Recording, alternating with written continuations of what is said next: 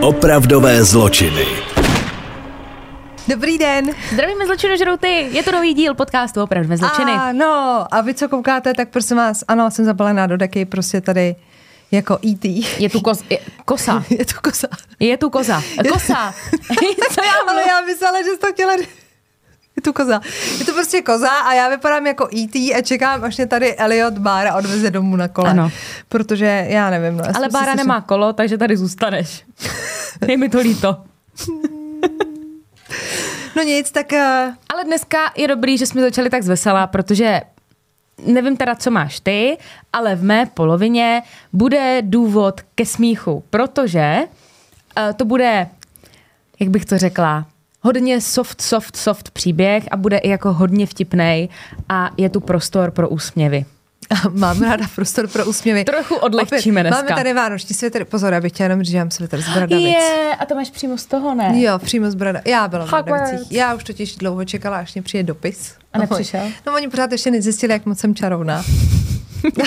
až to zjistěj, tak to bude. Tak jo, takže můžu začít? Začni. Řeč bude u, o Johnu Darwinovi. Ten se narodil v roce 1950 v Anglii. Jeho dětství, dospívání naprosto normální, nebylo tam nic, čím by se vymezoval. A když mu bylo 20 let, tak se seznámil s dívkou. Ta se jmenovala uh, Anne Stephenson a byla o dva roky mladší, takže i věkově si byli blízko. A hlavně ti dva se opravdu, jak se říká, hledali, až se našli. A byly to naprosto zpřízněný duše. A není se teda čemu divit, že se vzali. Vzali se v roce 1973. A já bych teda hodně chtěla zmínit jeho kariéru, protože ta byla hodně pestrá, řekla bych. On vystudoval vysokou školu, poté nastoupil do školy jako profesor matematiky, on byl velice chytrej. No, jenže toho úplně nenaplňovalo, tak eh, si hledal po nějaké době jinou práci, ale protože miloval čísla, tak nakonec zakotvil v bance a tam ho to taky po nějaké době přestalo bavit. Tak prosím vás začal pracovat jako dozorce ve vězení. To je zajímavá kariéra. Jako ale... z profesora matematiky najednou jdeš do banky, to je ještě OK, jo, číslička, tohle, ale jako z banky pak jdeš teda na dozorce. A tam byl evidentně spokojený, tam zůstal. Takže to měl takový pestrý. Podle mě nevěděl, co by dělal. Ale pokud je o jeho rodinný život, tak eh, tam nic neměnil, se svojí ženou byl šťastný, společně přivedli na svět dvě děti, byli to oba dva kluci, jmenovali se a jmenují se tak pořád Anthony a Mark a byla to taková jedna velká spokojená rodina. Jo, ti kluci jim dělali radost, dokončili oba dva školu, našli si partnerky, odstěhovali se a právě v ten moment, kdy kluci vyletěli z hnízda a oni byli sami, tak eh, je napadlo, hele, já bych, jako bylo by fajn, co kdyby jsme měli prachy, kdy to by bylo přece skvělé, kdyby jsme se měli dobře. Jako ne, že oni nebyli o chlebu a o vodě, ale samozřejmě chtěli si žít na hodně vysoké noze. A ta N pracovala na recepci v soukromé klinice, on dělal toho dozorce, takže jak říkám, jako prachy v pohodě, mohli jezdit na dovolený, normálně fungovat, ale na jachtu to není. Takhle. A To je hezký vysvětlení. a začali teda přemýšlet, jak by vydělali velký balík peněz. A nakonec se teda zhodli, že nejlepší bude investovat do nemovitostí. Jenže neměli ty prachy na to, aby ty nemovitosti nakoupili. Takže si vzali hypotéku. Protože měl co, kámoš v bance, čísla, tohle, tak si vzali hypotéku, do toho vzali všechny svoje úspory, co měli a nakoupili byty a domy. A celkově šlo o 12 nemovitostí. To si vzali velkou hypotéku, Jako, ale. kde jsou ty časy, hodně kde jsou ty časy, že si můžeš vzít hypotéku na Na 12 12 domů. nemovitostí. Tak A to je dobrý. Ono se to ze začátku jevilo jako strašně dobrý plán a já si myslím, že už je to jako samozřejmě hodně, hodně dozadu, že třeba kdyby u toho zůstal a uměl s těma číslama a nebyl to hloupý člověk a kdyby se tomu jako víc věnoval a spíš tohle jako propracoval, tak si myslím, že by dneska mohl být, by mohl mít těch jakt pět, že fakt měl jako dobrý nápad. No, jenže, jo. Z začátku super plán, ale postupem času přišly nějaké jako problémy. Problém byl třeba ten, že pan matematik to úplně nevypočítal a ta hypotéka byla moc vysoká a nájmy moc malý, takže vlastně dopláceli tu hypotéku ze svýho, neměli dostatek financí na to splácení, nevím, proč nezvedli činži, nevím, a začali se pomaličku zadlužovat. A dostalo se to až do té fáze, že v roce 2002 musel John vyhlásit osobní bankrot. Až takhle daleko To došel ale pan nebyl John matematik. dobrý matematik A já teda. se ptám, Johne, proč si třeba neprodal jeden ten barák? Ví, víš, jako že bych to nějak... Ne, on, on je chtěl mít všechny. On chtěl 12 To nemovitostí. je jako když sbíráš Pokémony, potřebuješ je všechny přesně. prostě. A teď samozřejmě osobní bankrot, seš v prčicích, ale furt chtěli ty jachty. Tak si tak jeden večer sedli a hele nic, je to prostě napřed, už nám nikdo ani nepůjčí, protože jsme zadlužení až po strop. Johnem musíme to nějak vyřešit, jo? A teď samozřejmě padl ten nápad, že by jako to prodali ty nemovitosti, ale John přišel s mnohem lepším nápadem, než to prodat, jo? John měl totiž uzavřenou životní pojistku už několik let, jako fakt roky, roky. A na pořádný balík. A nepřišel s nápadem, hele, zabij mě a užij si ty prachy, ale přišel s nápadem, že by nafingoval svoji vlastní smrt. Ta jeho žena by tím pádem měla možnost vybrat všechny peníze z té pojistky, protože ta pojistka byla na její jméno. Přestěhovala by se někam mimo, kde by spolu na tajno žili a tam si užívali money money, jo? Ta pojistka byla tak vysoká, že by to zaplatilo jak dluhy, tak i v zahraničí nějakou asi tisíci osmou nemovitost a vlastně všechny věci okolo a na další roky. A teď si asi jako říkáte, že ta N na tohle nemohla přece přistoupit. No, jenže N, Co? Já, jako já si říkám spoustu věcí. No. Já mám teď v hlavě tu opičku s těma činelama a takhle mi tam dělá, protože já vůbec nevím, co se to tady děje. jako, že opravdu vymyslíš, že jako budeš předstírat svoji vlastní smrt, aby si schrábla pojistku, mně přijde prostě... to je matematik. No, A teď, ale ona s tím teda souhlasila. Říká, dobře, jo, ale teď nalejme si čistého vína, jako předstírat svoji vlastní smrt v roce 2002, jako není úplně jednoduchý. Jako jak to chceš udělat, víš? No a Johna napadlo, že zmizí na kánoji. Jako. Jakože by si jel projet na kánoji a nevrátil Jo. se, takže to bude vypadat, že se jako utopil a tělo nikdy nenašli. Přesně tak. Já to totiž s, jo, jo, s Johnem, my se to Ty jsi to vymýšleli spolu. My jsme to vymýšleli v roce 2000 kolik? Dva? Spolu. 2002. A nebylo by to divný, protože jako, kdyby třeba ty se vydal na kánoji, tak asi je to, jako, asi bych řekla té policii, hele, to úplně neštimuje. Já si úplně jako představuju, že by někdo řekl, že jsem se vydala někam na kánoji. úplně, a teď, úplně si představuju tvoje reakci. A- Na čem? Na čem, že? Na čem? Kam, ka, ka, a kam? A dobrovolně, jo? To je jako kdyby ti, celkově kdyby ti někdo řekl, že třeba jedu na vodu. Tak v tu chvíli musíte zbystřit, protože to se nestane, že jo? Hleda, že by to byla zaoceánská loď. A on teda trávil hodně času na kánoji, všichni o tom věděli. A plán byl teda následující, jo? Že by to nafingoval, že se ztratil na vodě a uh, oni by ho jako začali hledat, nenašli ho a prohlásili ho za mrtvýho, přesně jak si říkala. A on to myslel fakt vážně. A pamatujete, tak jsem říkala, že měli teda těch několik nemovitostí. Tak teď dobře poslouchejte. Oni měli nádherný, ale fakt jako nádherný, takový tři domy, řadovky, v takovém tom anglickém stylu. Prostě bílá fasáda. Mm. Takový jako trošku low-costový Beckham House. Jako fakt krásný. Nádherný. No. A ty baráky na sebe byly napojený. A v jednom tom domě žili oni nahoře. Jako ono to bylo rozdělené na bytové jednotky. A oni udělali tu věc, že si vytvořili tajnou místnost, která vedla z toho jednoho baráku do toho vedlejšího baráku. A bylo to vytvořené z toho důvodu, že to byla ta tajná místnost, která vedla z jejich ložnice do toho baráku. Tam byla další velká ložnice a tam bylo všechno, co John potřebuje k životu. Jo? Byli, měl tam nějaký počítač, ložnici moc hezky vybavená skrýš, musím říct. A uh, vymysleli to tak proto, protože chtěli pořád jako žít spolu, ale ona nemohla jen tam frknout po smrti, po smrti svého manžela. Musela tam zůstat a nechtěli být odloučení. Takže to měli vymyšlený tak, že budou normálně fungovat v tom baráku a kdyby náhodou někdo přišel, tak John do skrýše a nikdo nepozná, že je táta doma. Jo? Takhle to měli vymyšlený. Jejich plán se rozhodli uskutečnit 21. března roku 2002. Ten den byla N v práci, John si vzal, vzal svůj kánoj a šel k moři. Vybral si tento den schválně, nebylo to jen tak, že se ráno zbudil a řekl si, jdu swingovat svoji smrt, ale ten den bylo odporný počasí. Takže rozbouřený moře, pršelo, jo, mráčky a tak. A on si říkal, že to bude víc uvěřitelný, že zmizel na rozbouřeném moři, jo. Ta jeho žena měla teda instrukce a ty byly, že v sedm večer přesně, ani o minutu díl, takže my bychom ho tam nechali, ho vyzvedne na parkovišti u pláže Nordgare. A John se na to vybavil, měl sebou nějakou černou hůčku, někde dávají klobouk, někde dávají čepici, někde dokonce kuklu, měl prostě něco černého na hlavě, mikinu a kalhoty, všechno v černé barvě. Jakmile vyplul na moře, tak pádloval co nejdál od břehu, aby, uh, aby ho jako nikdo neviděl.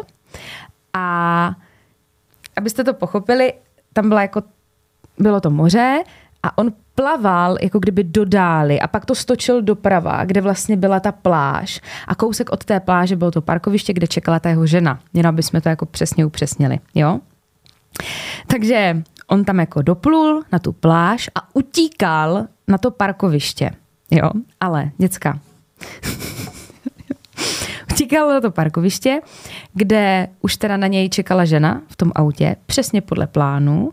Odvezla ho na vlakový nádraží, který bylo zhruba hodinu cesty od místa, kde ho vyzvedla.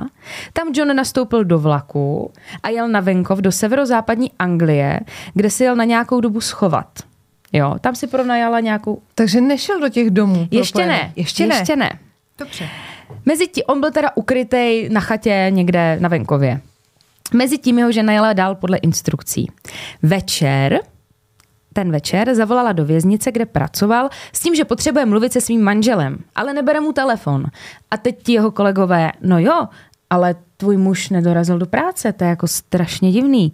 A ona, to je, to je divný. A tak jako se začala pídit a nakonec šla na policii a nahlásila jeho zmizení. Jo. Takže to měli, musím říct, jako celkem chytře vymyšlený, že to fakt jako nevypadalo nápadně. Třeba to s tou prací je dobrý. No, ale to, že jel vlakem, kde ho může někdo vidět, když bude pohřešovaný, chápeš, při jeho smůle tam bude někdo, kdo bude všímavej. No počkej si.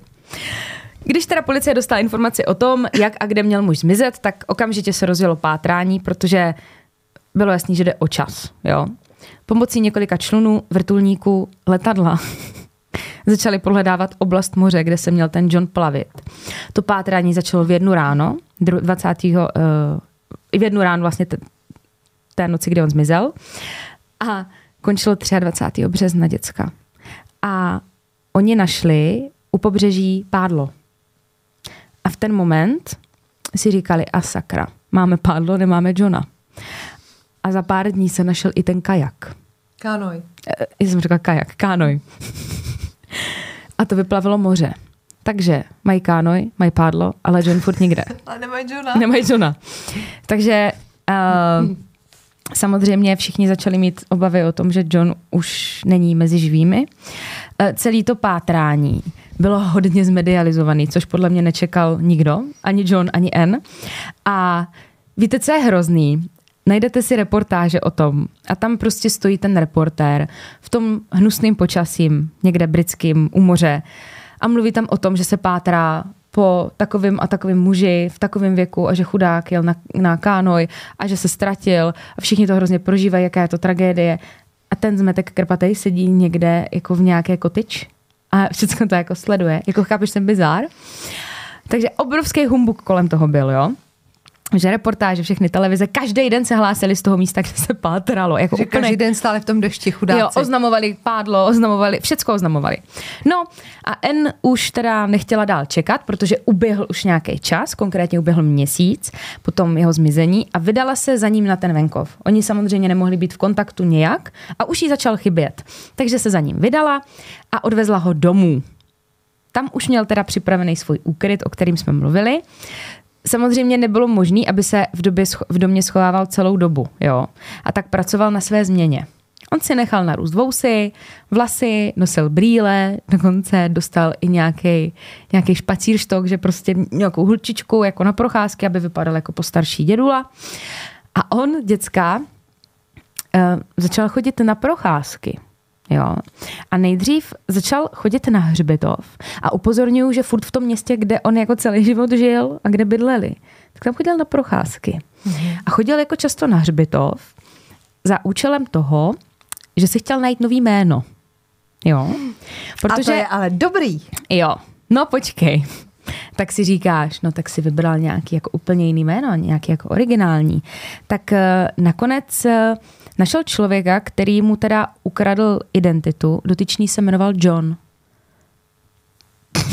Stejně jako John. On se přejmenoval na John Jones. Takže proto chodil na ty hřbitovy a musel být teda hodně vynalézavý, protože byl schopen si zajistit falešní doklady. Jako v roce 2002 to bylo určitě jednodušší než v roce 2023, kdy všechno máme v nějakých elektronických podobách a podobně. A... No dobře, ale stejně jako já, když ztratím v občanku pás i řidičák a tak musíš přijít s rodným listem, ne? Nebo s něčím jako nemůžeš jako přijít jen tak a říct, No, takhle. Já, já se jmenuji princezna Konzuela, vystavte mi novou občanku a paní řekne, není problém, já vás vyfotím a hned vám to vystavím. On dokonce nějak našel, protože ten John, John Jones, bylo nějaký miminko, který umřel jako brzo po narození. Aha. A bylo to někde v novinách a on snad skrz to pak získal jeho rodný list. Já jsem to tady právě, já jsem se tady do toho prosím vás nechtěla pouštět, protože to nechci poplést. Jo? Promiň, a- a- a to nás ale zajímá Ale právě. bylo to Aha, jako dobře. tímhle stylem. Ok. A měl teda falešný doklady, jo. Takhle si v pohodě žil rok v utajení a v dubnu uh, 2003 přišla zpráva, že John Darwin byl prohlášen oficiálně za mrtvého. Takže manželé měli velký důvod k oslavě. Jo, takhle tu pistoli měli. Prachy začaly Ano. lítat, prachy začaly lítat. N už totiž mohla vybrat eh, prachy z životní pojistky a z dalších jeho investic. Nešlo jenom o tu jako pojistku, ale byla tam mnoho víc a celkově dostala v přepočtu 7 milionů korun, což na tu dobu bylo jako hodně. Mm-hmm. Uh, manželé si teda těch peněz začali užívat, ale mm, nezapomínejme na to, že on furt musel být zavřený jenom doma, jo. Takže když byl doma, tak eh, často hrál nějaký fantasy hry, hrál na playháku a celkem se jako nudil a začal si přes nějakou tu onlineovku uh, psát uh, s nějakou kočkou z Ameriky. A protože už mu fakt jako z toho šplouchalo na maják, jak jsi zavřený jenom mezi čtyřma stěnama a hraješ jenom fantasy hry mm-hmm. a psal si s ní, tak ho na- napadlo, že by jako mohl utéct do té Ameriky, protože má falešný pas. A on si s ní psal, jmenuje se Kate Steele a nebyl v tom, prosím vás, žádný milenecký podtext, nic. Oni fakt byli jenom blázni do fantazy a psali si během té hry a nakonec se jako tak zblížili na kamarádské rovině a on jí říká, jo, oni si psali a on jí říká, hele, ty bydlíš v Kansasu, jo, já mám takový nápad. Potřeboval bych od tebe něco, jo. A nabídl jí, že jí dá jako peníze a ona za to koupí farmu. A až to bude všechno vyřízený, tak on přiletí za ní a tu farmu jako rozjedou a udělají jako z toho takový turistický jako místo a budou z toho dojít prachy. Přátelé, to se fakt jako stalo. O, on opravdu poslal cizí američance, která hraje fantasy hry, jako nemalé peníze, ale ona byla slušná a svoje slovo dodržela, koupila farmu. Tak to je hustý, ale. On odletěl na falešný pas do Kansasu a začali teda na té farmě nějak jako fungovat, dávat ty dokupy. Ta N zůstala v té Anglii a asi měla v plánu samozřejmě za ním později přiletět, jenže v té Americe brzo nastaly problémy, protože ta Kate, když tam s ním jako pracovala, protože tam samozřejmě bylo spoustu práce, tak se začala cítit divně v jeho přítomnosti. Že byl hrozně jako náladový, byl drzej, byl úchylný a dostalo se to do fáze, že ona z něho začala mít trošku i jako strach, seš jako s cizím angličanem na farmě, to je jako, nedivím se. A když mu teda řekla, že hele, vyřeš si to sám, já už prostě tady s tou farmou nechci mít nic společného, nechci žádnou provizi, nechci žádný odstupný, prostě si to nech, já padám, tak on jí začal vyhrožovat. Začal vyhrožovat, ale Kate byla dobrá a stejně tady z toho prapodivného farmářského hmm. biznisu odešla a protože zůstal na farmě úplně sám, tak se vrátil zpátky do Anglie se svojí ženou. A ta farma se samozřejmě jako prodala a on zase ty prachy dostal zpátky. No, jenže, když přiletěl teda uh, do té Anglie, tak hledali s N nějaký ideální místo, kde by mohli začít nový život.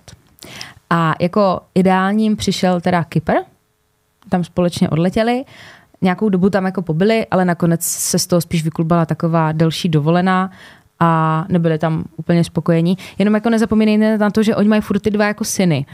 A během toho, co oni vybrali tady ty jako těžký prachy, tak ani jednou se nestalo, že by se třeba jako zeptali kluků, hele, co rodina, to potřebujete prachy? Ne, oni je prostě nechali se v tom plácat a oni si užívali. Takže Kypr nic. V roce 2005 eh, zkusili štěstí ve Španělsku, eh, tam ho taky nenašli, tak odletěli do Panamy. V Panamě teda konečně našli to, co hledali, jo, protože ráj na zemi pro lidi, když jsi na útěku. Koupili si tady eh, pozemek, kde byl takový malinký domeček, ale ten pozemek byl obrovský a oni plánovali, že tam budou stavět. Mezitím prodali nějaký nemovitosti v Anglii, respektive ta žena, on je totiž mrtvej. Takže byly zase další prachy na další jako výstavbu v té Panamě a pomaličku se už začali usazovat. Jenže, teď to přijde. Během toho, co tam žili, tak koupili to byl nějaký jako fakt mrakodra, prostě obrovský, nádherný rezidenční jako byt, kde bydleli fakt jenom jako lidi, co na to mají prachy. A oni tam koupili jeden tento byt. A vzhledem k tomu, že to bylo v Panamě velký jako halo, že se tam něco takového postavilo a ti investoři na to byli jako hrdí, tak se vyfotili na internetové stránky s každým tím majitelem, co to koupil. Taková ta trapná fotka, jak se držíte za ruku a před váma je ta smlouva. Oni se takhle vyfotili a dali to na web té společnosti, která vystavila tady ten projekt. Jo? A ty fotky vysely na tom webu. Ale zatím na to nikdo tak nepřišel. je to furt jako barák v Panamě, tak to bych se asi úplně, no. Ale jsou furt tam, jo? Mm-hmm. No, jenže žili si spokojený život v Panamě a, a jo, žili si spokojený život v Panamě, ale nakonec normálně v Johnovi se něco pohlo, koupil si letenku do Anglie, mm-hmm. N tam nechal a z letiště šel rovnou na policejní stanici v Londýně. To je obrat, co? Takže, Proč? Počkej. Míral. Ne. To bylo na konci roku 2007, děcka, jo? A ztratil se v roce 22. Takže po těch pěti letech už mu z toho asi začal trošku hrabat a měl trošku asi výčitky svědomí. A teď přišel na tu policejní stanici a on přistěla, že je zmatený. jo, co se to tady děje? Přišel tam a říká, já mám pocit, že jsem pohřešovaná osoba, ale nic si nepamatuju. A teď ten policajt, co se to tady děje. A on furt opakoval, já mám prostě tušení, mám to v hlavě, že po mně určitě pátráte, ale nic si nepamatuju. Nemůžu si za boha vzpomenout. A samozřejmě ta policie měla strašně moc otázek, jo, jestli to je pravda, jako co se to děje. A uh, oni teda samozřejmě uh, ho vzali do výslechové místnosti a tam to z něho všechno začalo padat, jo. A teď samozřejmě otázky. Věděla to jeho žena? Jak to bylo? Proč to vzniklo? Ježíši Kriste. A kde byl? Kde byl? A celý to samozřejmě brzo vyplavalo na povrch, ještě ten den. No tak A- to bylo velmi brzo, ale teda. Protože policisté neuměli držet úplně jazyk za zoubky, takže se to rychle dostalo do médií a dostalo se k tomu i jeden reportér z britských novin, novín, novin, který dostal informaci, že ta jeho žena je v té Panamě. A tento novinář se, přátelé, hned druhý den rozjel do Panamy. Přiletěl tam, zjistil si přímo dům, číslo bytu, kde bydlí, šel za ní. Ta N mu teda otevřela a ten novinář jí řekl, že eh, její manžel se objevil na policejní stanici v Londýně a že je naživu. A teď ta N, Hustý. Hustý. wow, a začala jako plakat, dojetí slzy a teď ten reporter jí fakt jako věřil a říká si, pane bože, a já to prodám, protože ten článek bude všechny zajímat, dojmutá tady, poloviční vdova, všechno se to vyřešilo, ona ho pozvala na čaj, teď si sedli a on si s ní začal jako povídat. No jo, jenže nebyl jediný investigativec v okolí. A v Londýně začali pátrat i ostatní a jeden ten novinář našel tu fotku na tom webu té To si společnosti. nechápu, přece když si kupuješ takhle drahý projekt nebo něco, jak se přece nejsiš povinný fotit, ne? Řekneš, nevyfotím se, nechci prostě tady fotku se splovou, nechci mě bejt. Asi to nebyla podmínkou koupě, koupě, koupě si myslím. A, a on, eh, ten novinář, kontaktoval tady toho novináře, protože věděl o něm, že je v té Panamě a děcka během toho, co byl v tom bytě, tak dostal právě to echo, že tam je ta fotka. A že teda celou dobu moc dobře věděla, že jí manžel je naživu, jo. A předstírala ně, něco, jako že zapomněla? No, ona, Výduť? ona před ním furt jako předstírala a teď ten novinář jako říká, hele, já mám fotku a já vím, mm-hmm. že tvůj manžel byl celou dobu naživu a ty si to věděla. No a z ní to začalo lézt, jo. Ona se úplně sesypala, všecko to odvyprávila, jak se to stalo, všechny ty detaily a nakonec teda na to kývla a říká, já odletím do Anglie a postavím se tomu čelem, jo. Nechala tam všechno a letěla teda do Anglie, tam ji hnedka po příletu zatkli. V tu dobu už byl i John ve vazbě a policie samozřejmě u nich doma provedla domovní prohlídku, kde dřív bydleli a tam opravdu našli tajnou chodbu a prolezli Johnovi e-mail a počítač, kde našli dokumenty ohledně falešního pasu, převody peněz a podobné věci. Oba dva, jak on, tak N se teda ke všemu přiznali. Přiznali se, že v tom měli spolu, s tím rozdílem, že N tvrdila, že byla donucena. Ona byla donucena. Těžký to život v Panamě v On byl 98. velmi, on, on, byl, patře. on byl velmi drsný matematik. On, on byl, ano, ten by to spočítal. Ovšem, na začátku března roku 2008 se u, soud, u soudu John ke všemu přiznal, měl na krku celkem sedm obvinění a nakonec od soudu odešel s trestem 6 let a 3 měsíce.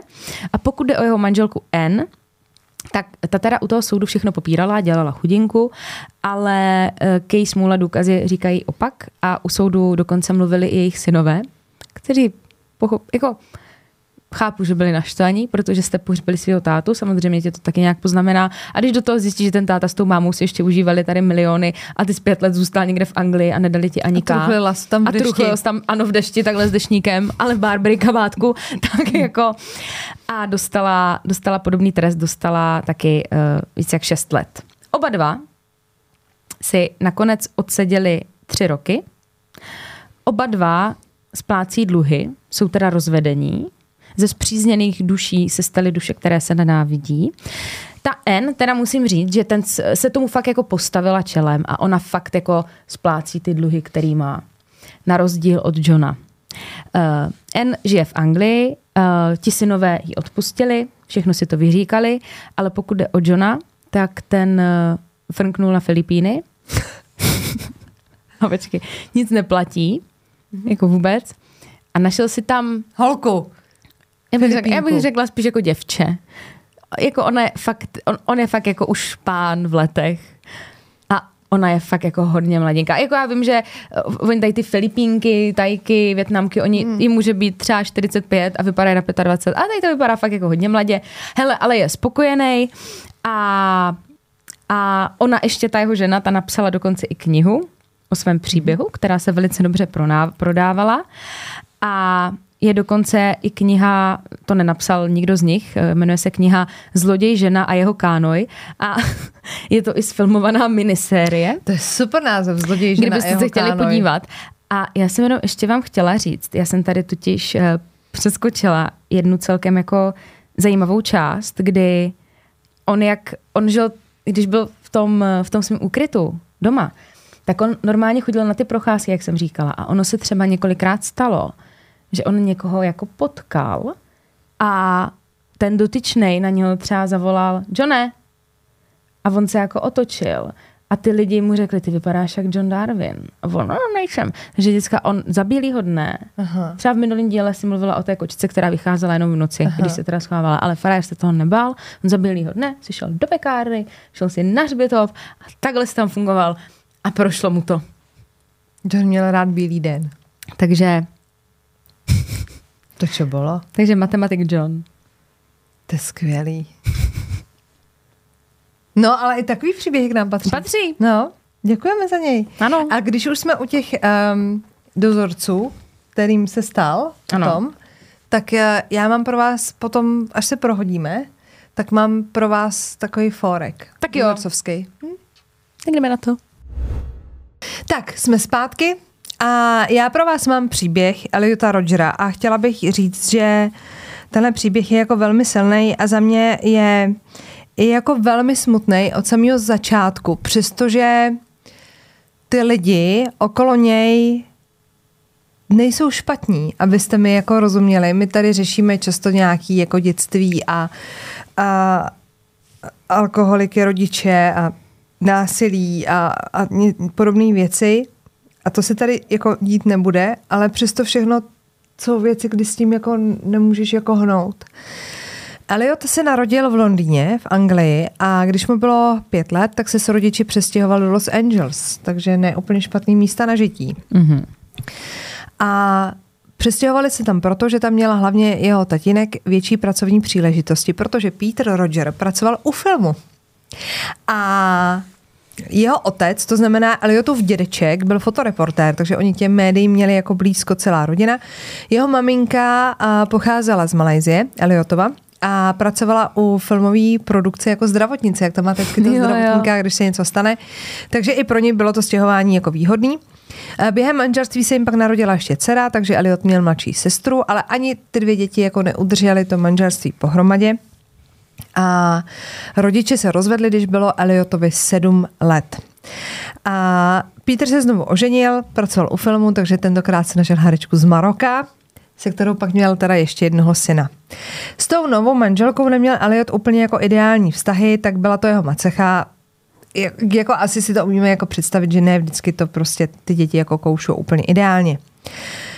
Jenže on k tomu bohužel měl ještě problémy jako ve škole, takže už se nám tady jako začíná rýsovat ne úplně ideální dětství. Aniž by prostě kdokoliv z té rodiny chtěl nějak jako ublížit a všichni ho měli rádi, tak prostě nebylo to ideální.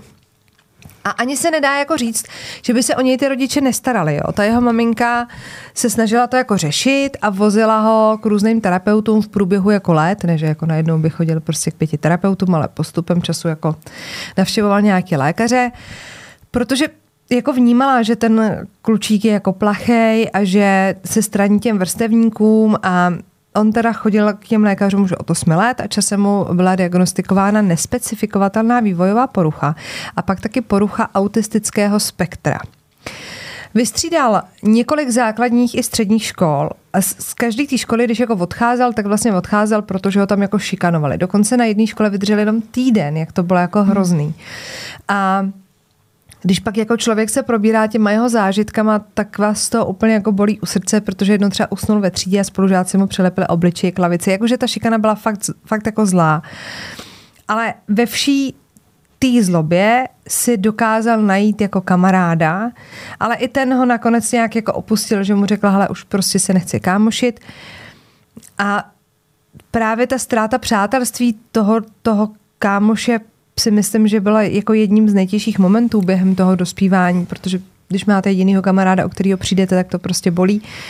Nakonec ale teda střední školu nějakým způsobem dokončil a nastoupil na univerzitu. A ty rodiče si jako mysleli, hele, tak ten univerzitní život je jako fajn, bude chodit jako na párty, najde si nějaký kámoše, bude prostě fungovat. Vlastně mu v tom strašně jako fandili. Nebylo to o tom, že by chtěli jako, aby byl jako jo, studovaný, ale spíš, že se dostane do nového prostředí a ono já když to řeknu jako blbě, tak ta základka je prostě těžká pro spoustu lidí a nemusíte být jako v něčem jako divný, tak už jsem to tady mhm. říkala nesčetněkrát, že mě třeba na základce taky šikanovali, ale pak se z toho jako nějak vykřešete a na střední už jsou ty lidi normální a na výšce už jsou v podstatě dospělí, takže tam už jako nepředpokládá, že by tě někdo šikanoval. Ale on měl jako prostě strašný problém s tím jako zapadnout mezi ty lidi, jakože měl třeba kolem sebe nějaký jako rodinný známý a tak, oni se mu jako snažili pomoct. A je to takový to, jako, že mu řekneš, hele, tak pojď, pojď s náma třeba do kina, nebo víš. A on prostě nechtěl, on se vlastně jako stranil a nedával těm lidem jako možnost, aby se s ním teda zpřátelili, přestože jako chtěli. A protože byl jako, třeba to bylo i nějakým nastavením jako té psychiky, blbý je, že jako kdyby chtěl být jako sám z nějakého popudu, jakože nemám rád lidi, tak bych to pochopila. Mm-hmm. Jo? Lidi jsou kolikrát hrozný, takže chápeme, že prostě, ale on jako vlastně jako trpěl sám, takže to bylo taky těžký, jakože to je jako kdybych ty si měla řízení a ti dávala vodu a ty si řekla, že nebudeš pít, no tak mm-hmm. víš jako... No a tak se rozhodl, že se ze svých útrap teda bude vypisovat na blogu, který nazval oficiální blog Eliota Rogera a na ten web jako psal jako všechny možný jako zážitky a co se mu honí hlavou a taky, že dostal nějaký jako léky na tu svoji jako psychiku, ale že teda je přesvědčený o tom, že pro ně nejsou dobrý a když mu bylo potom 18 let, tak on se dokonce i rozhodl, že už nebude navštěvovat žádný terapeuty a nechce brát žádnou medikaci, že to jako zvládne. A ty rodiče mu už v tom jako, už to není dítě, takže už mu to nemůžete jako přikazovat. A v roce 2011 jako u něj, u něj se pak jako stupňovala vlastně ta frustrace z toho, když byli lidi šťastní. Jo. jo, takže on prostě byl nešťastný, takže když byli lidi šťastný, tak to jako nesl těžce a třeba v tom roce 2011 neunesl v jedné kavárně pohled na spokojený pár a tak na ně chrstnul kafe. Hmm. Nebo polil kafem dvě holčiny, který on je potkal někde jako a usmál se na ně a oni jako neopětovali ten úsměv, ale to nemuselo být schválně. Mohli mít blbý den, mohli si ho nevšimnout, nebo se jim nelíbil, nebo prostě nevím, nebo to byly asociální holky, které se nechtěli s někým kamarádit. Důvodů může být milion. A on na ně zase vylal kafe, protože se na ně jako taky neusmáli. A nebo bylo prostě někde v nějaký, jako v nějakém baru a tam prostě hráli nějakou takovou tu hru, jak prostě máš ten velký stůl a u toho si posíláš takový ty, de, Jo, taky ty destičky. ty destičky. Tak prostě přišel a na ty lidi juice, protože se prostě bavili, jo. Takže tam byla hrozně jako cítit nějaká jako frustrace tím, že on byl jako Grinch v podstatě. Hmm. Jo, že ne, neměl rád, jako když ty lidi si bavili, protože cítil tu křivdu, že on se jako bavit nemůže. Ale přitom opravdu třeba měl bratrance a ten říká, hele, já jsem se fakt jako snažil, fakt jsem za ním jako chodil a snažil a on prostě to odmítal. On prostě odmítal mít ty lidi jako ve svém životě. A bohužel teda jediný, o co jako stál, bylo najít si holku, protože dospíváte, že jo, a už chcete mít nějakou holku. Takže v roce 2013 vyrazil na večírek, tam se pokoušel oslovit nějakou holčinu, co se mu líbila a ona odmítla. A tentokrát ji teda ničím nepolil, ale pokusil se jí, prosím vás, schodit z terasy. Já, k tomuhle incidentu se pak ještě vrátíme. Což se mu naštěstí nepovedlo, ale viděli to ostatní a rozhodli se teda jí pomstit a nakonec on skončil s pochromaným kotníkem, jo. A já jsem si o tom hledala nějaké jako informace, protože někde píšou jenom no a tím to jako skončilo a šel jako domů a tam brečel. Ale já jsem našla jeden článek, kde to bylo rozepsaný trošku víc a vypráví o tom incidentu jeho otec. A ho vyzvedával po tom večírku. Spousta těch informací, které jako uh, mám, tak on se z nich vypisoval na tom blogu, takže ty byl jako veřejně dostupný a, a, a dotvářeli ten obrázek. Ale tohle vyprávěl ten jeho táta, že on ho vyzvednul po tom večírku a kluk měl teda špatný kotník a on mu říká, co se jako stalo. A on, hele, oni mě prostě napadli, šikanovali mě a uh, zvedli mi kotník. Takže ten otec ho donutil jít na policii a říká, hele, tady mýho syna prostě někde na večírku jako zmydlili a chci, chci prostě to nějak jako řešit. No jo, a policie se v tom jako začala šťourat a našla teda samozřejmě ty lidi z té párty, našla svědky a ukázalo se, že naopak teda ten Elliot byl ten útočník, že opravdu on na začátku, ještě než napadl tu holku, tak vylezl na tu terasu a jako imaginárně střílel po těch lidech, jako taky to, jako, že uděláš tu pistoli a střílíš jako po nich. Takže jako už vypadáš jako divný patron v tu chvíli. A navíc pak teda uh, napadl tu holku mm-hmm. a jak to viděli ty lidi, tak si jako zastali, že to nebylo jako, No že by šli a začali ho jako mlátit, protože to je to, co řešíme, že to jsou jako dospělí lidi, který já si jako myslím, že už od určitého věku nemáš jako potřebu jako šikanovat no. někoho. Jako neměl by si mít jako nikdy, ale víme, jak to myslím. Takže nakonec se ten případ odložil, protože to nahlásil sám ten Elliot, takže a pak se ukázalo, že on byl agresor, takže nic. No a doma už pak v té době jako nedělal nic jiného, než že koukal jako na videa a hrál World of Warcraft a tomu propadnul už ve 13 letech, což ne, ne, nemá jako spojitost, jako že když hrajete Vovko, tak prostě, že jako musíte být jako násilný, ale on prostě v podstatě hrál jenom tu hru, jak neměl ty kamarády, tak prostě proseděl hodiny doma a jednou nějak jako odešel z domu a maminka se mu rozhodla prolíst jako počítač, na co jako kouká, co tam dělá, tak jako je zavřený mm. v tom pokoji celý den, že jo. A našla docela jako znepokojivý videa, který jako nahrával na YouTube, kde byl jako hodně jako on neříkal, že by je ublížil někomu konkrétnímu, ale byl tam jako velmi jako agresivní a zlej a byla z něj cítit jako víš, že v sobě ten člověk drží opravdu velkou zlobu a že nenávidí ten svět a zjistila, že i kouká jako na takový ty videa, kde je jako násilí a podobně a tak říká, hele to prostě mně se to nelíbí, takže zavolala jako na policii. Ne, že by ho chtěla udat, ale Ono to fu- fungovalo tak, že ona zavolala jeho terapeutovi a terapeut říká, hele, pojďme to řešit nějak jako víš, mně se to taky moc nezdá. Takže do toho chtěli jako zatáhnout policii a v té době ta máma, ona nechtěla, že by ta policie ho zatkla, ale chtěla jako řešit, jestli ho jako nezbavit své právnosti a neřešit to jako, ona mu chtěla prostě poskytnout lékařskou péči. To je ale, ale- on už byl jako ve věku, kdy nemůžeš uh-huh. prostě ho tam šoupnout, protože mu není 10, aby ho posadila do auta a odvezla ho tam. Ale snažila se jako přesvědčit s pomocí toho terapeuta, že prostě se jí to jako nezdá, že si nemyslí, že by byl on jako nebezpečný, ale že to, kam se ubírají ty myšlenky, není dobře a mohlo by to skončit špatně. Bohužel, ten táta jako přišel a říká, hele, já prostě si jako nemyslím, že to je špatný kluk, tak prostě taky v nějakém věku, tak je trošku frustrovaný, ale prostě to bude dobrý, nechme to, on by nikdy nikomu neoblížil, to prostě hodný kluk, ten táta prostě věřil tomu, že mm. tak je to jeho syn a, a, a říká si, tak je to prostě hodný kluk, nedělejme to. Takže nakonec toho všeho jako v podstatě jako sešlo, ta policie to víc neřešila, ale možná jako měla, no, protože ten táta právě říkal, že jako je zakřiknutý, ale že určitě není zlé a teď možná, jak byli rozvedení, jak se na to musí shodnout taky oba. Jako, a, t- a hlavně jako zbavení jako své právnosti není prostě úplně jednoduchý. Řešíme to dnes a denně. Mm-hmm. Na TikToku je spousta lidí, kteří by neměli být své právní a furt tam jsou. Takže jo, a to, že teda je jako zakřiknutý a vlastně hodnej, tak možná do jeho 18 let, jako byla pravda, ale ten táta a zase je to takový bod, který tě jako něm překvapí. Ten táta si s ním o tom jako povídal. On mu říká, hele, já chápu, že jsi naštvaný, ale neboj, tu holku si jako najdeš. Teď mu koupili černý bávo, chodil jako ve značkový hadrek, protože ty rodiče si měli jako dobře. A on mu říká, hele, jak prostě vydrž, ta holka jako přijde, jako to neznamená, že teď, když jako nemáš, ji nebudeš mít jako nikdy. Víš, takový to, když se tr- doma trápí, že třeba no, nejsem dost hezká a tak a ty mm. rodiče tě jako pozbuzujou, takže oni mu tu podporu jako opravdu dávali jako a ten táta s ním o tom povídal. Měl úžasný rodiče. A no. musím teda říct, že takovou mámu jsme tady asi ještě jako neměli. Myslím v tom slova smyslu, jak hnedka na začátku vycítila, že s tím dítětem je něco špatně a začala to hnedka řešit. A že to i takhle, víš, že se fakt Tam jako... je blbý, že ten táta, ale já to jako chápu, že tak je to jeho syn a měl ho rád a věří, nebo má ho rád, věří tomu, že prostě uh, v tu chvíli, že přece je to hodný kluk, protože se s ním No, baví jasně. a ví, že je to hodný kluk, jakože kdyby mučil kočky od pěti let, jako jsme tady měli nesčetněkrát, tak jasně, jak si řekneš, no tak to, co si tady něco nalháváte, ale on nic jako neproved a jenom byl jako nešťastný, takže hmm. ten táta ho zase jako nechtěl tejrat. Ale taky se snažil ten otec, to jako... Ale jako bylo to, bylo to fakt jako udělali všichni podle mě, co mohli.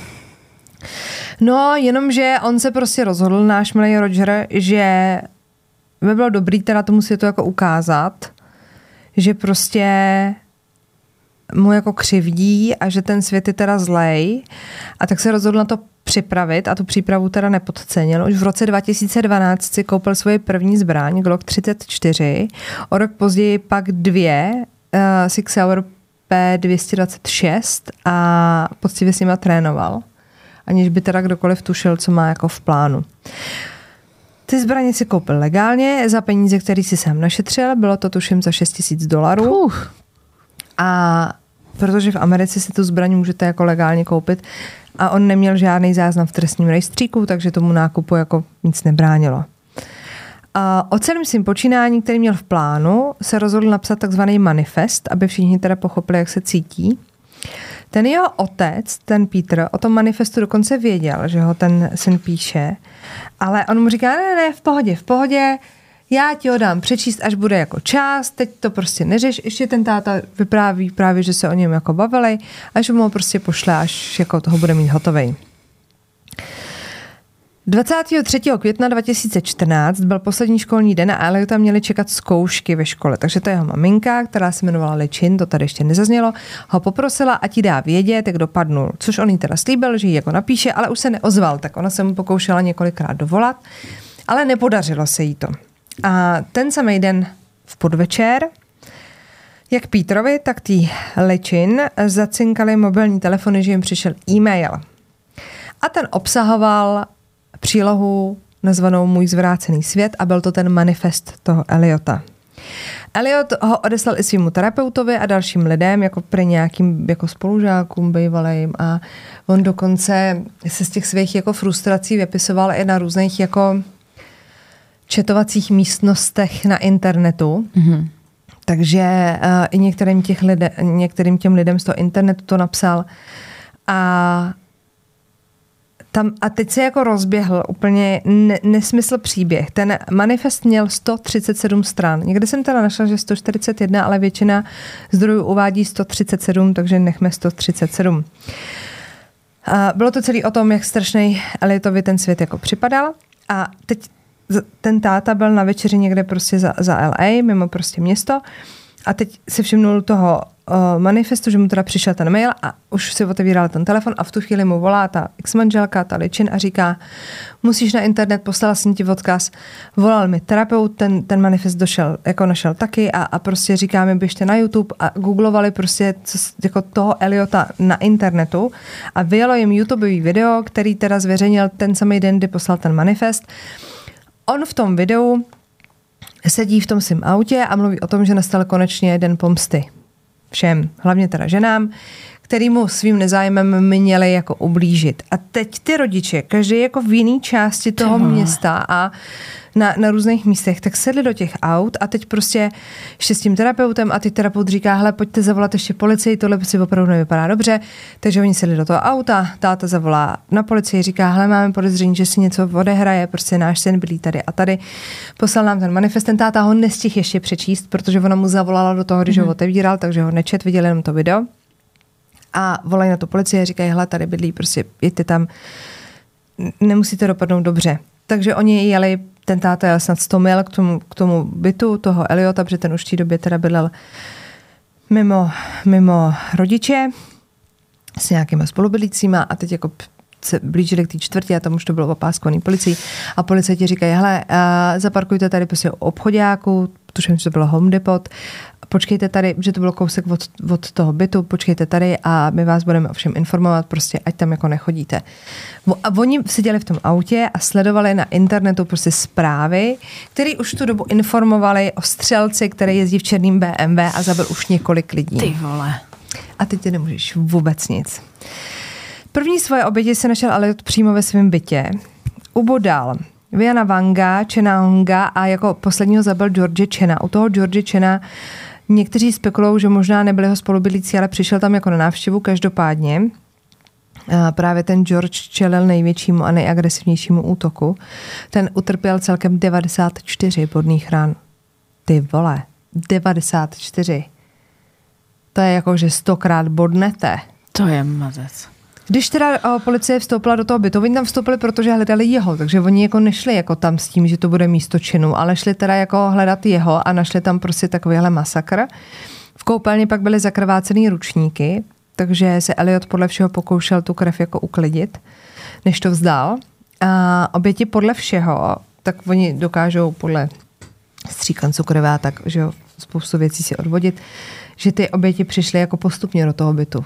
Takže on jako vždycky jako zabil jednoho, otáhnul ho někam a čekal, až přijde druhý. Po dokončení těch vražd v tom bytě eh, Elliot odjel, vyrazil do kavárny, kde si v klidu vypil kafe. A pak seděl ve svém autě, odkud pracoval chvilku na svém notebooku, a protože policie našla nějaký svědky, kteří ho na tom parkovišti jako viděli. Pak svým autem dojel k domu, kde bydleli členové spolku Alpha Phi, který spadal pod tu jeho univerzitu, kam chodil, UCSB. A on tam jako zaklepal, ale naštěstí teda pro ty studenty, kteří tam byli, nikdo neotevřel, se nebyli doma. Jenomže Elliot se teda rozhodl, že když už je tam, takže to jako nevzdá, takže si vzal jednu z těch zbraní a střílel do náhodných kolem jdoucích. Na místě teda zabil dvě ženy a třetí zranil. Pak jezdil po městě a střílel různě jako do kaváren, do lahoutkářství a na místě toho, v tom lahoutkářství zůstal zraněný další muž. Pak pokračoval po ulici Embarcadero del Norte, kde byl na chodník, srazil jednoho chodce a dalšího minul. V tu chvíli vycházel z pizzerie, která byla v té ulici nějaký pár, tak začal střílet i na ně. Bohužel teda neminul. Úplně šílenec, prostě střílel na všechny, co šli jako okolo, pak třeba míjel cyklistku, tak střílel i na ní. To už ale policie ho stíhala a během té jízdy došlo k přestřelce mezi ním a zástupcem šerifa, ale jemu se podařilo ujet teda. Dojel na Camino del Sur, tam zastřelil a zranil, on jako nezabil všechny, jo, ale po třech kolem jdoucích Pak na Sabado Tarde srazil skateboardistu a vystřelil po dalších dvou mužích, co prostě čekali na křižovatce. Takže čekáš na zelenou a prostě po tobě začnou střílet. To už mu byla teda v patách policie a ta se ho snažila zastavit střelbou a ten Elliot ji jako opětoval, takže v tu chvíli už bylo jako jasný, že ten kluk je prostě na sebe vražedný misi, že jo? protože ve chvíli střílíš na policajty, tak ti musí být jasný, no. že to asi nepřežiješ. No, eh, zasáhla ho policie do kyčle, on teda furt ujížděl, srazil ještě dalšího cyklistu a pak havaroval na chodníku kousek od křižovatky Del Playa a Camino Pescadero. A eh, oni k němu teda dojeli, k tomu autu, Uh, to bylo půl desátý a našli teda to auto a v něm i jeho, takže jako neutekl z toho auta, ale bohužel teda už byl mrtvej, protože si sám prostřelil hlavu. V autě našla policie tři pistole, nože, šest prázdných uh, zásobníků na 10 nábojů a 548 nábojů nespotřebované munice. A teď střih, jo. Ty rodiče čekají na tom parkovišti a sledují ty zprávy na tom internetu, jak ta policie honí toho jejich syna. Teď jako vidíš, co on dělá. Víš, jako... A přijela ta policie teda a řekli jim, no tak bohužel, syn je mrtvej. Ten táta později jako popisoval, že mu trvalo tři týdny, než si byl schopný přečíst ten manifest a vlastně do teďka se není schopný smířit s faktem, že by to jeho syn udělal. Že je přesvědčený o tom, že ho musela ovládat nějaká jako psychická nemoc, což asi to tak jako bylo, protože on opravdu o tom klukovi a on těch rozhovorů dal docela dost a všude o něm jako říkal, že to je prostě opravdu velice hodný člověk, že jako byl nešťastný, ale každý jako někdy nešťastný a vlastně, že by neublížil ani mouše a že vůbec jako nechápe, co, jako, jak se tohle jako stalo. A teď, když si vezmete, že i ta máma mu jako pomáhala, no. jako, že všichni se mu snažili dát jako všechno a takhle to dopadlo. A on teda říkal, že i když neviní tu policii, že jim tak trochu klade za vinu, že když ho s tou manželkou oslovili kvůli tomu Eliotovi, že ho chtěli zbavovat té své právnosti, takže neskontrolovali registr zbraní a nezjistili, že on už jich v té době, že je měl tři. Aha. Ale teď se jako, když se nad tím zamyslíte, tak přece jako byla jako vina na jejich straně, když on sám věřil, že teda ten jeho syn je hodný člověk, který by za normálních okolností nebyl schopný hmm. takových činů a zastal se ho a vlastně z toho tak jako vycouvali, ale jako říkal, že prostě, kdyby to zkontrolovali, že na to mohli přijít, ale stejně jak ta policie mohla říct, byl to váš syn, tak vy nevíte, že vlastně tři zbraně, víš, jako... Jo. Ta máma, ta se k tomu postavila úplně jinak než ten táta a ta nedala žádný rozhovor. Řekla, já se nebudu bavit o svém synovi, protože jediný, na čem záleží, jsou oběti a pozůstalí a že nechce jako odvádět pozornost od nich jako příběhem toho syna, že o něm bude jako mluvit. Ne, že by ho jako chtěla nějak jako zapřít nebo jako mm, zavrhnout, ale no. že prostě nebudu vám tady vyprávět o Eliotovi, pojďme se bavit o tom, co se stalo a o tom, že jsou tady mrtví a že jsou tady pozůstalí a je to celý strašný. Jo, takže ta o tom nikdy nemluvila. A ten Peter, ten tatínek se pak zasahoval, zasazoval o změnu zákona a chtěl, aby ta policie ze zákona v případě, že zavolají rodiče, že je u těch dětí něco špatně, jakýmkoliv způsobem, že mají nějaký podezření, aby jako automaticky musela nahlídnout do nějakého registru těch zbraní a zjistit, jestli to dítě žádnou nemá. Nevím, jestli to úplně, jako není to samospásný, to, že nebude mít střelný zbraně, neznamená, že si nevytvoří někde, nevím, molotov, mm-hmm. chápeš, jako, mm-hmm. ale, ale samozřejmě by to mohlo jako, mohlo by to v tuhle chvíli oni by mu je třeba zabavili na 24 hodin, nebo by si ho víc všímali, nebo by to víc řešili a nemuselo to tak dopadnout. Ale mohlo by to dopadnout třeba jako jinak, mohlo utučit jinak, nebo mohlo Jasně. tak předtím bodal jako nožem. Jo? Ale, ale, ale jako chápeme asi to uvažování, ten směr těch myšlenek toho táty. Rozumím tomu. Co se týká toho manifestu. Tak uh, v tom videu, uh, to není ten text, ale v tom videu, tak uh, On sedí v tom autě a stěžuje si, že je ve 20 stále panic a nikdy nepolíbil dívku. těch 22 let je důležitých, protože on, když si psal ten blog, tak tam sám jakoby řekl, že dá těm holkám čas do 22 svých jako let a že když prostě ho budou odmítat i po 22, takže prostě se jim pomstí. Bohužel. Co se týká toho manifestu, toho textu samotného, tak tam se označil za muže, který je jako dokonalý gentleman a nedokázal pochopit, proč s ním ty holky nechtějí mít jako sex. Je jako pravda, že nebyl vošklivý kluk, jo, ale ten manifest, jak jsem říkala, má 137 stránek, nebudeme ho tady číst celý. Já jsem udělala fakt úplně jako výcuc. Pointa byla v tom, že on teda ty, to svoje řádění naplánoval jako den odplaty a v podstatě On opravdu byl přesvědčený o tom, že nemá jinou možnost, než se pomstit té společnosti, která mu odpírala sex a lásku. On už byl tím sexem pak prostě úplně posedlej, byl fakt jako frustrovaný, že tu holku jako nemá a že ho nechtějí a, a úplně ho to jako zlomilo.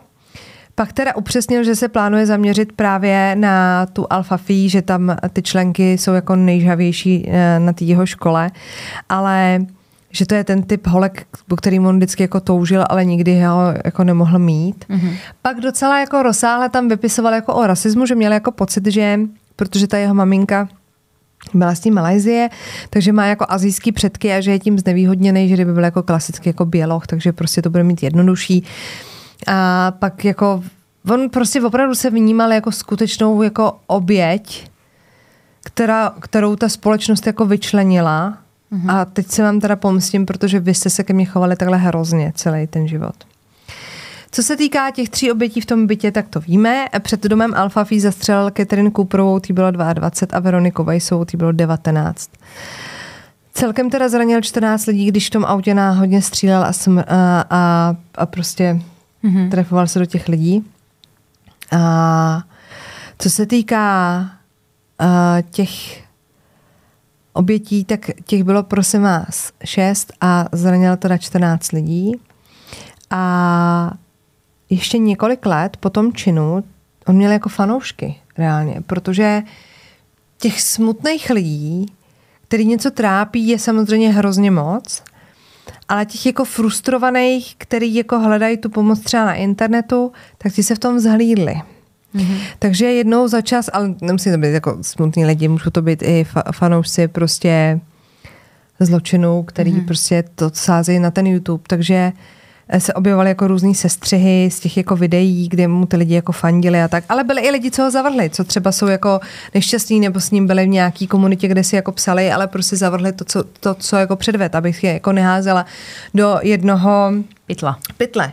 Takže uh, YouTube se k tomu pak vyjadřoval, že vždycky, když se tam objevilo nějaký video, tak pak jako vydal jako statement, že jako když opravdu uvidíte tohohle kluka tady na těch videích, nahlašte nám to, my to opravdu jako smažem, prostě dneska už by to smazali a napsali by, že porušujete zásady komunity a čau. Ale a dokonce se objevil web, který se jmenoval Redbubble, už je to psán smazaný, jo, pokud to budete chtít hledat, hledáte to zbytečně. A tam někdo prodával trička s Eliotovým selfiečkem, kde sedí v tom svém autě a má na sobě nějaký brýle značkový a tak.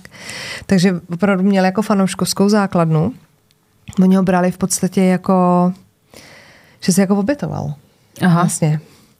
A obětoval se za komunitu. Já jsem si o tom tak jako hledala víc, jak to ty lidi jako vnímali. Tak uh, on se hlásil v podstatě tím nastavením a tím, co ho v životě potkalo ke komunitě, který se říká incel, což je v podstatě skupina lidí, kteří jako nedobrovolně jsou panicové a pany. Aha. A dokonce třeba na Redditu pak vznikaly jako skupiny který řešili tohleto téma, ale že to diskuzní fórum se pak jako zvrhlo, že se tam posílali lidi násilné věci a tak, protože byli přesně jako frustrovaní a představovali se jako komu, víš, jakože se to zvrhlo v to, že jako nadávali na lidi, kteří třeba se s nimi rozešli nebo s nimi nechtěli na rande a popisovali tam, co by jim jako provedli, že už to trošku připomínalo jako dark web, takže Reddit to dost jako mm-hmm. musel korigovat, i když je nám jasný, že i na tom Redditu se asi nejdou místa, kam bychom jako nechtěli zabrousit, že to jako neukočíruješ, že oni to vždycky jako smazali a oni tu skupinu nazvali třeba, nevím, koťátka, víš co, ale reálně tam řešili tyhle ty věci. A dokonce tam třeba někdo psal, že uh, doufá, že si jako, z, protože když se tohle to stalo, tak samozřejmě ten manifest nikdo nikde nechtěl zveřejnit, prostě je to jako hrozný. A ty lidi, mám nějaký příspěvek třeba, jako, který řešil právě tady ten jeho čin, ten Eliotu, že třeba uh, doufá, že se k tomu manifestu jako dostane, že by ho mohli prohlásit novým svatým, protože on se jako obětoval za ty nešťastní lidi. A pak další, prostě evidentně, co si třeba nemohl jako najít holku, tak dám si pivo za každou oběť, která se ukáže, když se to jako stalo. Žijí mezi 18 a 35, což jsou jako nejhorší ženský a tak. Je takhle. Takže, no nic. A našla jsem, hledala jsem si úplně jako nějakou uh, definici toho incelu a prosím vás, je to jako volný překlad, jo? Uh, že ta komunita je jednou z misogyních skupin, které existují v takzvané manosféře, což je síť blogů a for, kde, a teď přijde to konkrétní, jo, který odmítají mainstreamový koncepce genderové nerovnosti. Hlavně mi tam z toho nevyjíždí a tam Právě ten tě to chci podat.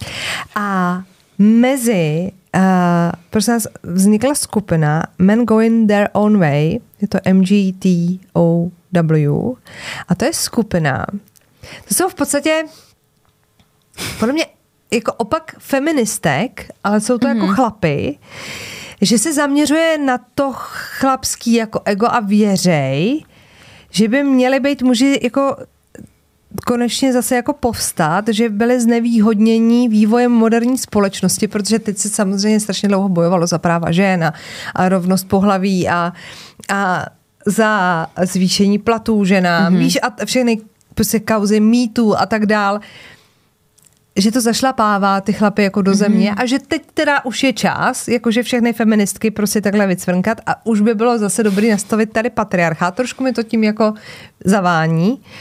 A nejznámější skupinou tady těch jako chlapů, co chtějí povstat, tak ty si říkají Red Pill a na Redditu mají víc než 200 tisíc členů. Ty brďo, to je dost. A zaměřují se tam, prosím vás, na diskuzi o sexuální strategii v kultuře, která stále více postrádá pozitivní identitu mužů. Aha. Takže Ty my jo. tady máme povstání úplně nové skupiny, Ty jo, ale tohle byl teda mega silný příběh. ale jako, Jako- jako, tam je ale prostě nejhorší, že jako nevíte už, co udělat víc. To je, ne, to mě jako, je, je, to fakt hrozná škoda, že tam jako byla obrovská snaha tomu klukovi pomoct. Víš, že na to nebyl sám. Jako takový rodiče, to je A prostě stejně to jako nestačilo. Hrozně smutný to je. Ale i se s ním ty lidi jako pokoušeli, takhle, tak je třeba možný, že si každý jako trošku přihřál polivčičku a snažil se být lepší než je, jo, ale nevím, no. A nepřijde mi, že by to byl prostě ošklivý kluk, byl to jako normální, Normální kluk. borec. Ale jestli pak už byl třeba v začarovaném kruhu, kdy už se jako bál tu holku oslovit, nebo se třeba choval divně, víš, jakože mm-hmm. už byl prostě takovej jako rozhozený. Nevím. To je zajímavý. Hele, tak prosím vás, já tady pro vás mám ještě. No. Hrozný. Mám pro vás tady jenom takovou noticku. Já si ale kýchnu. Je to pravda. Je to normální. Normální borec, já se na taky koukám, normální pěkný kluk. No. no. Tak. Protože uh, jsme tady řešili nedostatek sexu, tak to řešejí i, i dozorci ve vězeních. A mám pro vás uh, případ, který teď otřásl internetem, a který se týká největší belgické věznice, no. Protože tam teď řeší sexuální skandál, ve kterým Skandál. jsou obviněni dozorci a další zaměstnanci věznice z pořádání orgií ve Výřivce. A prosím vás, fungovalo to tak. Je to věznice Lantin, která je nedaleko města Lutych. A, a prostě evidentně někdo dostal info o tom, co se děje uvnitř, takže byl uh, konfrontován ředitel věznice s tím, že jako lidi slyšeli, že tam pořádají nějaký jako orgie a no, tak já to prošetřím, no a prošetřil to a zjistil, že pořádají. Takže první zaměstnanec, který uh, je označovaný médii pouze jako P, tak měl doma výřivku. V té výřivce se scházelo zhruba deset, jak kdy, ne vždy, jo, ale třeba kolem deseti zaměstnanců té věznice, ať už měli pozici prostě dozorce nebo někoho jiného, prostě 10 zaměstnanců. A aby jako to nebylo furt stejný, tak oni si předem kreslili nějaký jako barevný náramky a podle těch barev se pak jako k sobě jako uh, Já to chápu. jo, jako, ne, jako takhle, ne, jako, mohl to být jako jeden velký gangbang ve Vířice, ale Rozdělili se. rozdělili se třeba do dvojic, třeba u toho na sebe koukali a tak dále, jako bylo to zajímavé, ale prostě, aby bylo určeno, kdo s kým bude spát, tak podle prostě nějakého náramku. Ano. Pak tady máme zaměstnankyni eh, druhou, o který se píše. A je to prosím vás zpráva z belgického zpravodajského serveru Zít Info, jenom aby jsme jako, nevymyslela jsem si to tady. Tak třeba deník Daily Star píše o zaměstnankyni, která je identifikovaná pouze jako S a to měla být nymfomanka. A tahle ta paní, vždycky, když přišla do práce, tak oznámila svým kolegům, že aby mohla vykonávat svoji práci, potřebuje sex. Tak to je žena Takže to fungovalo tak, že ona přišla v 6 ráno na svoji směnu a řekla, takže někdo z vás se tady se mnou teď musí vyspat, protože jinak já tady nebudu pracovat. Dokonce uh, se domluvila na tom, že aby teda mohla pracovat, tak její nadřízený jí počoval jeho kancelář, aby tam mohla mít s někým ten sex těch šest ráno, než započne svoji směnu. Ano, přátelé, to se dělo. To je geniální. No a ta S je velice zajímavá v tom, že vlastně nikdo neví, jak se stala zaměstnankyní té věznice, protože v té věznici, ona je z minimální ostrahu, jo? Jasně. takže tam nejsou až zase jako asi ty nejhorší činy. A ty, tady ty země nejsou až tak jako krutý k těm vězňům, takže si umíme přes... Já, já furt mám prostě v hlavě uh, ten Netflix a ten dokument ty nejstrašnější nebo nej, Jo, jo, nejšílenější věznice. věznice.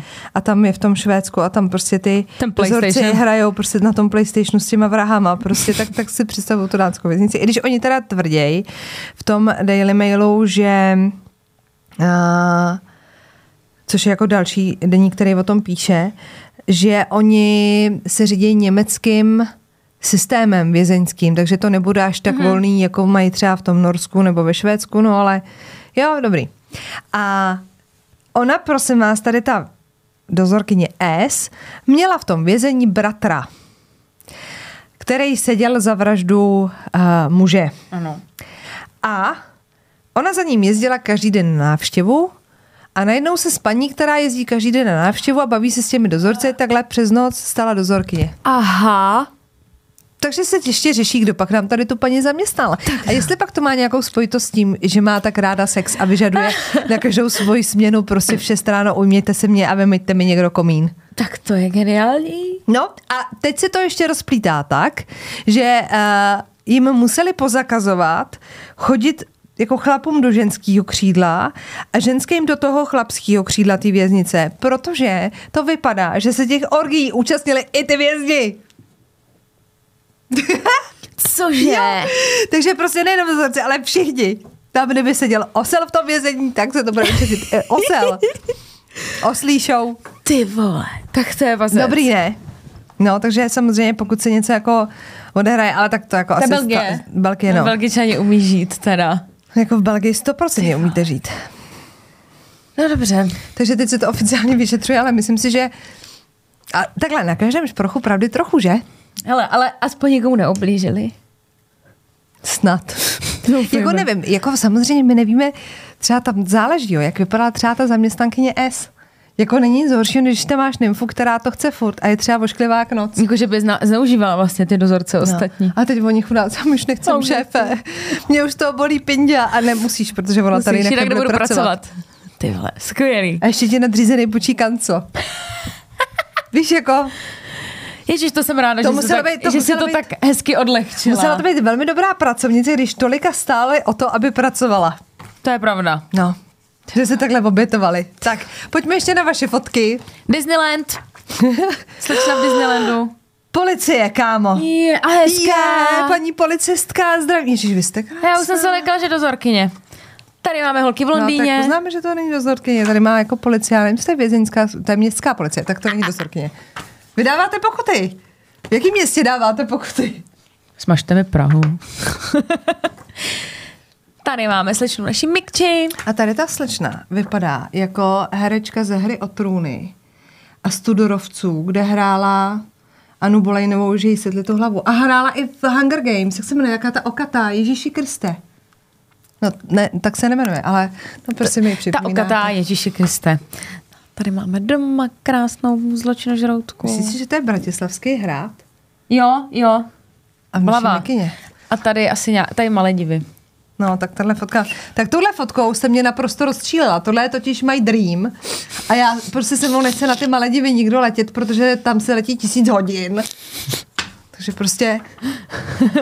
Já vám to jako přeju, jo? Ale aby bylo jasno. Aby bylo jasno. Ježi, ale tady jsme na mis. To jsou sami krásný ženský, bože můj. Krásný baby tady máme dneska. Au. To máme vždycky. Tady další. To se s náma válí. A tady má, a ta, ta se válí a ten cvičí. No tak jo, děkujeme, budete u nás na násilce, to hezky zaplňujeme, uh, posílejte další fotky dál a My tu budeme zase příště. No a celý se to děje kvůli autoareně, tak kdybyste náhodou někdo neměli lísky, tak letos neproběhla Já, už byla tak autoarena. Pro některý byla a šli místo toho na Dimitry, teda což jsme trošku smutný, ale když by se vám chtělo jako reálně opravdu jít, tak lístky jsou pořád na uh, opravdové zločiny CZ a tam si můžete prokliknout na Ticketmaster a Ticket Můžete si portál. nás vyklikat. Proti gustu, žádný dišputál. Tak se mějte krásně. Mějte se. A zůstaňte než na svobodě. Jo. Pa, pa.